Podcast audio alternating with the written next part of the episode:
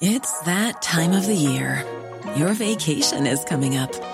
You can already hear the beach waves, feel the warm breeze, relax, and think about work. You really, really want it all to work out while you're away. Monday.com gives you and the team that peace of mind. When all work is on one platform and everyone's in sync, things just flow wherever you are. Tap the banner to go to Monday.com. There's never been a faster or easier way to start your weight loss journey than with PlushCare. PlushCare accepts most insurance plans and gives you online access to board-certified physicians who can prescribe FDA-approved weight loss medications like Wigovi and Zepbound for those who qualify. Take charge of your health and speak with a board-certified physician about a weight loss plan that's right for you. Get started today at plushcare.com slash weight loss. That's plushcare.com slash weight loss. plushcare.com slash weight loss.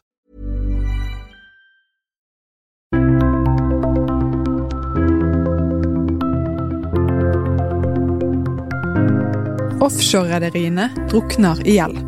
Siden oljenedturen slo innover Norge, har de kjempet en desperat kamp for å overleve. Er gjeldsmarerittet snart over?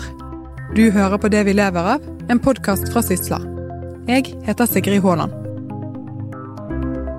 Etter min vurdering så er det på mange vis et kollektivt selvmord offshorenæringa har begått. Dette er Per Sævik, eier av rederiet Havila, på scenen under Sysla Live høsten 2017. Da sto offshorerederiene midt i krisen. Sævik hadde vært i bransjen lenge nok til å oppleve flere kriser, men denne var ekstra vanskelig å håndtere. Og den krisa som er nå, den, har den den fellesnevner i at alle har mye store, nye, fine båter. Og alle har mye gjeld. Og så vidt jeg vet, så er det ingen som ikke har eh, gått inn i en situasjon at du måtte forhandle med dine, dine långivere. Så, så, det er rimelig kollektivt det vi sender opp i, men uh, jeg tror vi skal være varsomme med å skulde på alt og alle. Det er faktisk slik at det er vi sjøle som sitter med ansvaret for at dette ble slik. Noen år har gått siden oljenedturen traff offshorerederiene for fullt. Hvordan har de jobbet for å komme seg ut av dette? Og har de klart det? Med meg nå er Gerhard Flåten, journalist i Sysla, og Gunnar Torgersen, investeringsdirektør i Holbergfondene. Velkommen. Takk for det. Gerhard, aller først, kan du forklare hva offshorerederiene i Norge er? Offshorerederiene eier oljeservicebåter, først og fremst. Det er de fartøyene som støtter opp om uh, oljeutvinning og leiting til havs. Uh, det er noen hovedsegmenter. Du har uh, seismikkbåtene, som gjennomfører seismiske undersøkelser av havbunnen for å finne ut hvor det mest sannsynlig befinner seg olje. Så har du ankerhåndteringsfartøyene, som er svære kolosser som brukes til å flytte riggene til havs og ankre de opp der, sånn at de kan bore etter olje og se om de finner. Så når et felt er i gang, så har du PSV-er, eller forsyningsfartøy, det er de vi har flest av, som på en måte er trailerne til oljenæringa, som går mellom oljebasene og plattformene med alt fra kjemikalier og sement til toalettpapir. Og så har du de største og mest avanserte båtene, som er konstruksjonsskip, subsea-skip, som gjennomfører installasjon og vedlikehold av, av, det som står på havbunnen. Stadig større del av sokkelen bygges ut med installasjoner på havbunnen versus å sette opp disse gigantiske betongkolossene som vi gjorde før. Og der, der er det de, de jobber. Norge har en betydelig flåte innenfor offshore service. Når det kommer til antall skip, så er vi ikke helt i toppen, men når det gjelder verdien på de skipene, så er vi, er vi de som har den mest verdifulle flåten i verden, ifølge de fleste i hvert fall. Norske rederier eier om lag 600 av disse båtene, og det er også en av de aller viktigste arbeidsplassene for norske sjøfolk. De fleste av de offshorebåtene som jobber på norsk sokkel, i hvert fall har eh, norsk flagg, som krever norsk tariff om bord, og da er vel som regel rederne norske sjøfolk. Så det er en betydelig arbeidsplass. Og Gunnar, Når var det i denne omgang at problemene startet for offshorerederiene? Det er lett å peke på et tidspunkt, for det var sommeren 2014. Da var, det, da var jo oljeprisen veldig høy. Men vi trodde egentlig, eller de fleste trodde at den skulle forbli høy til nesten evig tid.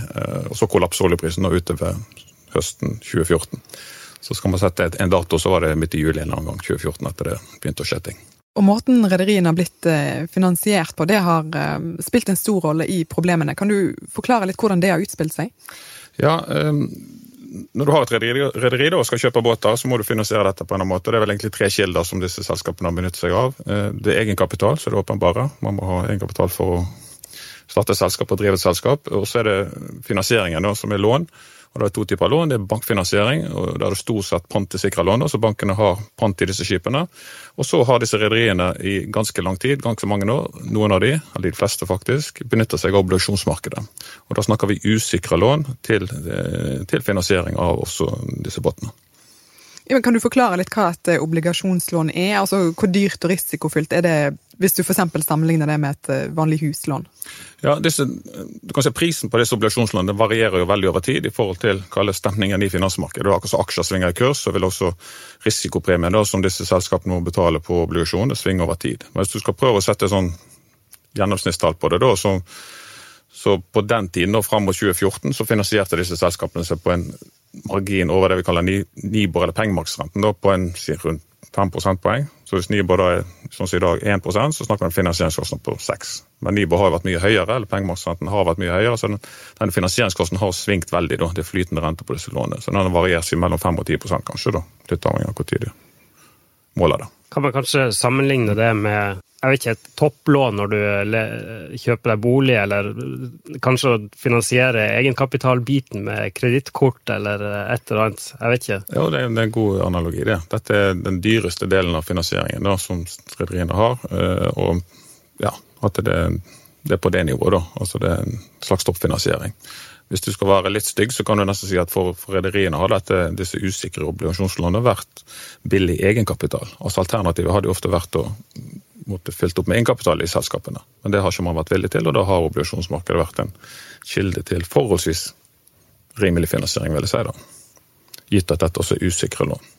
Ja, usikre det, blir jo da liggende på en måte på toppen der.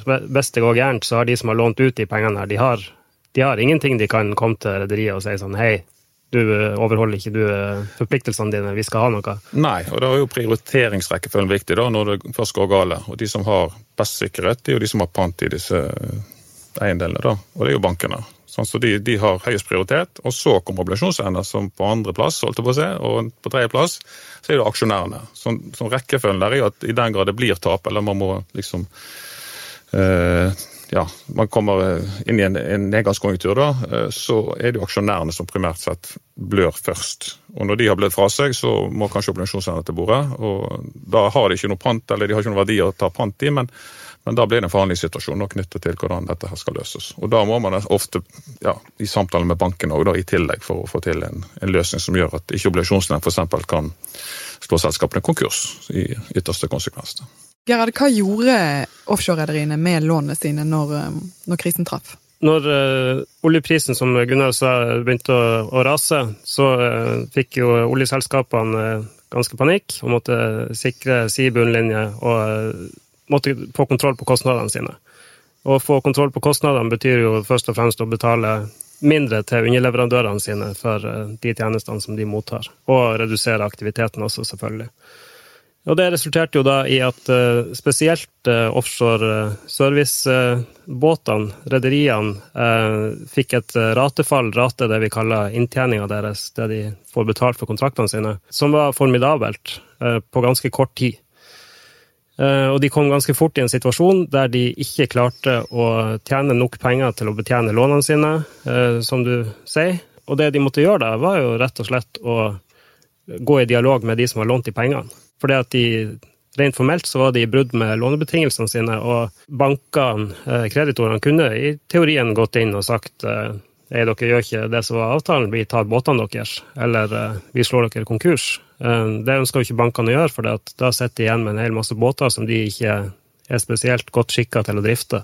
Så det de har gjort, da, er jo at vi fikk en ganske omfattende runde med restruktureringer som vel starta med Havila sin nå husker jeg ikke nøyaktig hvor det var, om det var sent 2015 eller tidlig 2016.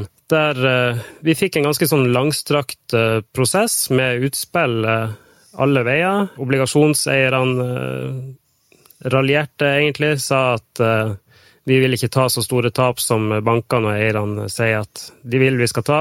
Bankene forholdt seg egentlig ganske stille, men det er jo de som på en måte har den reelle makta her, så de, de, kunne vel kanskje tillate seg det.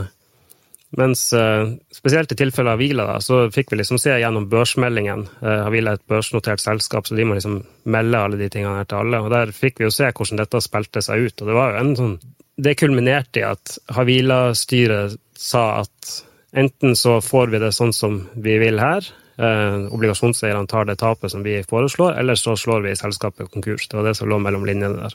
Og det endte jo da med at eh, rederiet Obligasjonseierne gikk med på dette, rederiet fikk, fikk, fortsette. Og det er vel forskjellige varianter av de prosessene her som alle eh, offshorerederiene egentlig har vært gjennom de siste årene, og som pågår fortsatt vi snakket om at, at nedturen begynte sommeren 2014, sant? men det, det, tok jo noe tid da før liksom dette her begynte å bli smertefullt for selskapene. For man sitter jo med en cashflow, en kontantstrøm, og har gjerne litt lengre kontrakter, sånn at inntjeningen eh, den holder seg jo ganske greit en, periode. da. Men etter hvert som krisen varte ved og oljeprisen ble liggende på et lavt nivå, så, så innså man etter hvert at uh, dette kom til å bli vanskelig, og, og selskapet begynte òg å komme i konflikt med disse lånebetingelsene, eller covenants, som det heter på nynorsk. da. Eh, og da, da, da, måtte man til bordet. sant? Og da ble det liksom første runde da, i, en slags, det som skulle vise seg å bli en lang sånn restruktureringsprosess. Eh, og det du fikk, det var igjen på nynorsk såkalte kick to can-løsninger. Altså Man fant en løsning, eh, men innså kanskje at det var bare å sparke boksen litt lenger ned i veien, og så kom det en ny runde om et år eller et halvt år. Og Det var det som utspilte seg, som du sier, begynte med Havil, og så kom egentlig alle selskapene inn i en eller annen slags forhandlingssituasjon da, med obligasjonseiere, og banken måtte til bordet etter hvert. Så, så, det var liksom sånn det utspilte seg. Og så endte det opp med store tap for obligasjonseierne, eh, for aksjonærene, som tapte nesten alt. og uh, I siste instans så ble jo gjerne obligasjonseierne konvertert til aksjer. At obligasjonseierne ble aksjonærer i selskapene, fordi det var på en måte det, det trumfkortet man hadde. da, Uten at det bedra situasjonen så veldig i forhold til hvor store tapene ble for obligasjonseierne. Så det skal vi ha litt respekt for her. da, til mange som har tapt veldig mye penger i, i denne nedturen underveis. Men det er mange parter som rederiene har lånt hos. Altså, hvordan påvirker det en prosess der du skal restrukturere gjelden din? Ja, Det kompliserer det jo en del. sant? Hvis du begynner med obligasjonsmarkedet, da, så er jo det, det er jo sånn at hvis du skal ha eh, en avtale da med obligasjonseierne, så krever det to tredjedels flertall blant obligasjonseierne. Og det er veldig mange nei, eh, aktører her da, som sitter eier disse obligasjonene. Alt fra privatpersoner til store profesjonelle investorer. Så det å få to tredjedeler til å bli enige om en eller annen eh, restruktureringspakke, det kan være krevende. Men eh, ja, Noen ganger gikk det bra, noen ganger gikk det ikke så bra. Men det, det kompliserer selvfølgelig hele, eller har komplisert hele prosessen. Da, det at disse aktørene eller selskapene har vært i obligasjonsmarkedet og, og møtt en sånn, ja, en litt krevende forhandlingssituasjon da, knyttet til at det er veldig mange parter å snakke med. Og så har du gjerne i tillegg på banksiden et bankkonsortium. Det er ikke bare én bank, men det er gjerne to og tre, og i noen tilfeller både 10 og 12 og 20 og 30. Så lett skal det ikke være.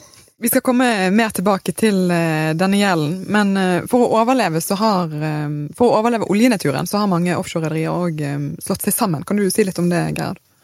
Ja, det er noen som har slått seg sammen. Da det ble klart at at de fleste rederier eller alle rederiene kom til å havne i den situasjonen der de ikke klarte å, å, overholde forpliktelsene sine til de som har lånt de penger, så måtte jo noe gjøres. Både sånn individuelt for hvert rederi, men du har jo um, finansaktører som på en måte er involvert i alt dette. Sånn som DNB, som er en av verdens største shippingbanker. Det, det er nok knapt et rederi eh, i Norge som de ikke er inne i på et eller annet vis. Og du har eh, Garantiinstituttet for eh, eksportkreditt, GIEK, som også er med å garantere for mange av disse lånene.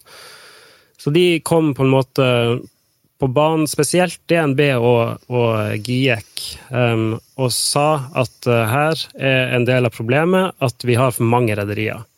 Da vi gikk inn i krisen, så jeg husker ikke nøyaktig, men jeg lurer på om det var et sted over 40 uh, rederier jeg talte opp som eide offshorebåter. Og det er ganske mange. Så har du noen store aktører, da. men uh, ingen sånn giganter. Og litt av svaret deres på hvordan dette skulle fikses, var å, å slå rederiene sammen til, til, ganske store enheter. Det man skulle tjene på det, uh, var at du selvfølgelig, når du slår flere sammen, kan fjerne noen funksjoner, uh, og sånn utløse disse mystiske synergiene. I tillegg så var vel noe av tanken at man skulle etablere en slags markedsmakt. Gjøre markedet mindre fragmentert, sånn at uh, offshorerederiene skulle være bedre i stand til å stå opp mot prispresset fra oljeselskapene, egentlig. Om dette var DNB sin tanke, det, det, vet jeg ikke, men det var i hvert fall eh, Når man snakka med redere som, eh, som syntes at dette virka som en god idé, så var i hvert fall det noe av det de brakte fram som argumenter. Dette med konsolidering, det, det, jeg, jeg, føler det sett fra investorståsted, og det var et tema i markedet ganske lenge før krisen begynte. Altså, liksom, disse rederiene som er vokst opp langs kysten, flotte selskaper, ofte familieeide, så har det vært pekt på at liksom, her må det da være synergieffekter når når du får en så kraftig vekst i bransjen som profesjonalisering, da, og dette blir globale selskaper, og at her må det være rom, rom for noe, det, det, var jo snakket om ganske lenge. Og så ble det kanskje forsterka når nedturen begynte at det skulle liksom være en av løsningene på, på disse tingene. Få, få ut noen synergieffekter, som du sier. da. Og så kan man jo diskutere da om, om det har skjedd. Det er altfor tidlig å se, kanskje, fordi vi har bare ett et eksempel på en litt større konsolidering da, ved Solstad. Ja, For å gå kjapt gjennom hva som skjedde der. Det, det, begynte i 2016, da Aker kjøpte seg opp i et obligasjonsgjeld, som du snakka om, eh, Gunnar. Eh, og sånn egentlig fikk kontroll over hele restruktureringa til eh, rederiet Rem. Eid av Åge Remøy i Fosnavåg. Hadde en flåte på 18 båter. Hadde egentlig kommet i havn med, med sine kreditorer, laga ei løsning, spist kake, og så plutselig kommer telefonen om at Nei, eh, vi har ikke ei løsning likevel. Eh, vi ønsker at dere skal slå dere sammen med Solstad. Og så måtte de det, da. Alternativet var å slå rederiet konkurs. Og det var i 2016. Um, og så hadde du flere andre rederier som også hadde store problemer. Alle hadde jo det.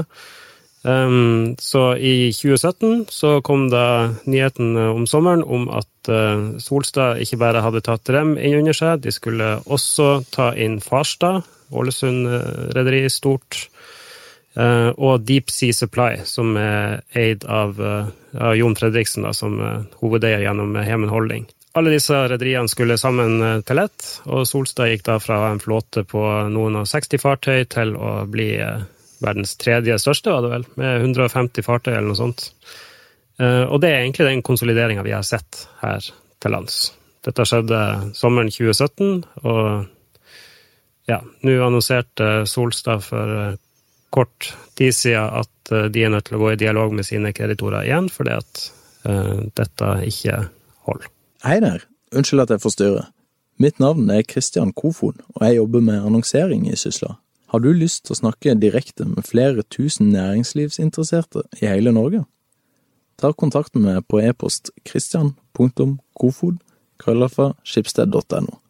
Det er Christian med K, og Kofod, K-O-F-O-D, krøllalfa skipsted.no. Takk for tida di. Tilbake til Sigrid. Hvordan har det gått med rederiene som har stått alene? Det er jo ingen det går bra med her. Det er ingen som egentlig klarer seg uten eh, hjelp fra, fra kreditorene. Eh, I større eller mindre grad, selvfølgelig. Men de som er på en måte kritiske til denne sammenslåingstanken og at man skal lage giganter, deres eh, argument er vel at kanskje hadde det vært bedre for disse rederiene å stå alene. At, at de ikke ser at at det har vært de store synergiene på å slå disse sammen. Det finnes unntak, men problemet med disse rederiene, offshorerederiene langs kysten er at de har vært, hatt en svak balanse, hatt for lite egenkapital. og da når, når, stormen kommer eller orkanen kommer, så har man ikke noe å stå imot med. Eh, man står imot et års tid og litt over det, og så på en måte kommer det til syne at, at man trenger kapital, egentlig. Det man egentlig trenger, er egenkapital. Eh, og Så kommer denne, denne konsekvensen av at man er i obligasjonsmarkedet og har obligasjonseiere som da i en restruktureringsfase får makt i forhold til at de kan eh, tiltre som aksjonærer. da, Få konvertert igjen til aksjer, sånn som Røkke gjorde, blant annet, eller kjøpte obligasjoner for, for å komme i posisjon. Og Det er jo en konsekvens av at disse rederiene langs kysten har eh, ikke bare hatt lite egenkapital, men også begrenset mulighet til å skyte egenkapital. For dette er jo ikke familier som er veldig rike. Det er ikke Røkke og Fredriksen vi snakker om, det er familier som har bygget opp uh, gründet selskaper grunnen av og, og, og levet åndet for det. og Egentlig lagd et industrieventyr på Vestlandet, men med lite egenkapital. Mm. For lite. Og det er litt sånn I forlengelsen av det du nevnte i stad, at man skal, man skal, ha respekt for at her er det aksjonærer som har tapt veldig mye penger. Eh, mange av disse familieeide rederiene har jo er plassert i flere leirer. De, de har også drevet innenfor fiskeri, f.eks. Og vi har sett flere tilfeller, f.eks. Doff og Rem offshore, der disse store eierne solgte unna eiendeler på fiskerisida for å frigjøre kontanter, som de da kunne skyte inn i disse offshore-rederiene for, for, å prøve å ri av stormen. Ja. Så de har jo satsa. Offshorerederiene fikk jo eh, en utsatt frist til å betale lånene sine. Men, men, hvordan ser det ut? Ser det ut at de kommer til å klare å holde den fristen? Ja, fristen, altså Det som har skjedd nå, er jo, nå er det jo bankene primært da, som på en måte har eh, fortløpende har gått med på lettelser i betalingsvilkårene. og Det er primært sånn som jeg leser det, avdragsutsettelser. Det er det som er den store cashflow-driveren, altså kontantstrømdriverne. Eh, og Så lenge banken er i det hjørnet, da, at de ser muligheten for at dette kan gå bra til slutt, så, så vil de jo være i den modusen. Men i det øyeblikk man kommer i en situasjon der man liksom ikke ser eh, en god løsning på dette, så vil jo bankene bli mer motvillige til å, til å ja, gi lettelser da, i, i, lånebetingelsene. Så dette er jo en sånn prosess som pågår nå, og som vil pågå en stund til. Men utfallet av det er det veldig, egentlig vanskelig å si noe om nå. Et eksempel på hvor krevende det er for tiden, det er jo, jo kommet til syne nå i siste kvartalsrapporteringen, da, både fra, fra, flere av disse rederiene. Eh, og alle rapporterer egentlig om at det er fortsatt vanskelig. Man ser ikke helt uh, at det har snudd, men man håper jo og ser noen lyspunkter. Uh, men problemet er jo så stort at i fjerde kvartal i fjor så tok jo både f.eks. Solstad og Havila store nedskrivinger av sin, sin flåte, verdien av flåten som dermed gjør at de faktisk ved årsskiftet nå har såkalt negativ egenkapital. altså For Solstad sitt tilfelle minus 500 millioner, minus en halv milliard negativ. Det kan man ha en periode så lenge man ser, ser en løsning på at den er i veien. Øh, men også for Avilas del minus negativ egenkapital. Og Det forteller om hvor dramatisk dette er. da. Også Finanstilsynet er faktisk inne og krever at rederiene skal gjøre noen grep i forhold til verdivurderingen av flåten. Og det har de gjort hele, underveis hele, hele denne nedturen. Men vi hører jo, eh, og har hørt så lenge nå, at det går eh, bedre for mange segmenter, at oljenedturen er over. Eh, så det er ikke tilfellet for offshorerederiene?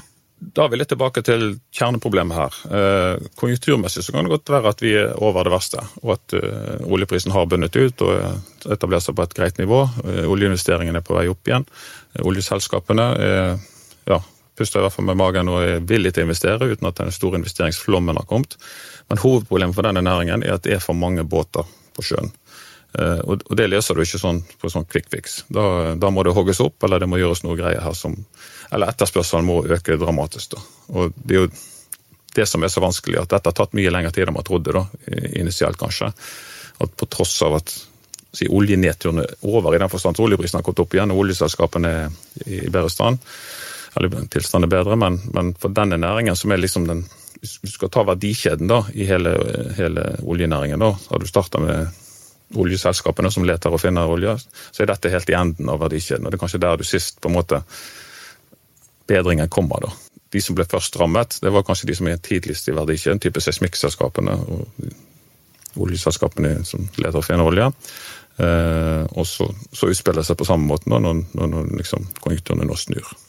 Det har vært en, en ganske heftig debatt egentlig om Equinor sin rolle oppi dette, spesielt på norsk sokkel. Equinor kontrollerer vel omtrent som noe sånt som ja, Er det 70% av det som skjer på norsk sokkel, eller noe rundt om der? I hvert fall en, en veldig stor andel. 170. og um, Offshorerederiene og, og Rederiforbundet og flere andre aktører har jo vært ute og sagt at nå må de slutte å skvise oss, for de tar livet av hele næringa. Altså egentlig appellert til, eh, til, Equinor eh, og få de til å ta litt systemansvar, for å kalle det det. At de rett og slett må, må la være å ta og å spille markedsmakten sin fullt ut for å redde næringa. Og det er jo på en måte argumenter som kommer opp med jevne, jevne uh, og som Equinor forsvarer seg mot. De har på en måte den markedsmakten de har, og oppfører seg som en kommersiell aktører, sånn som aksjonærene forventer. Hva er det verste som kan skje for eh, offshorerederiene nå? Det verste som kan skje, det er vel at oljeprisen kollapser og, igjen, og, og, du får en, eh, en ny nedtur. da. Altså, og at oljeselskapene kryper inn i mussøl og skal kutte enda mer kostnader. og Du får, får ikke den aktiviteten som, som, vi nå ser gryende spor av. da. Eh, det må jo være et sånt skrekkscenario. Jeg er litt sånn, litt sånn beroliget, for jeg, ofte er det sånn at når liksom, du har disse svære nedturene, og de varer ofte litt lenger enn enn en man tror, da. Så er det jo ofte sånn at historisk kan du i hvert fall peke på eksempler der du går fra den ene grøftekanten til den andre. Altså det når, du, når det blir skikkelig gale, så strammer man igjen, man kutter kostnader og kryper inn i musel og, og, gjør veldig lite minst mulig. Og Et problemstilling nå er at det letes for lite etter olje. Det kan være, sant? Det er ikke sånn at oljeetterspørselen i verden stopper opp. Det produserer fortsatt 100 millioner fat for dagen, og den, det skal vokse faktisk framover de neste 10-20-30 årene. Så det er ikke sånn at det er slutt på oljen. sant?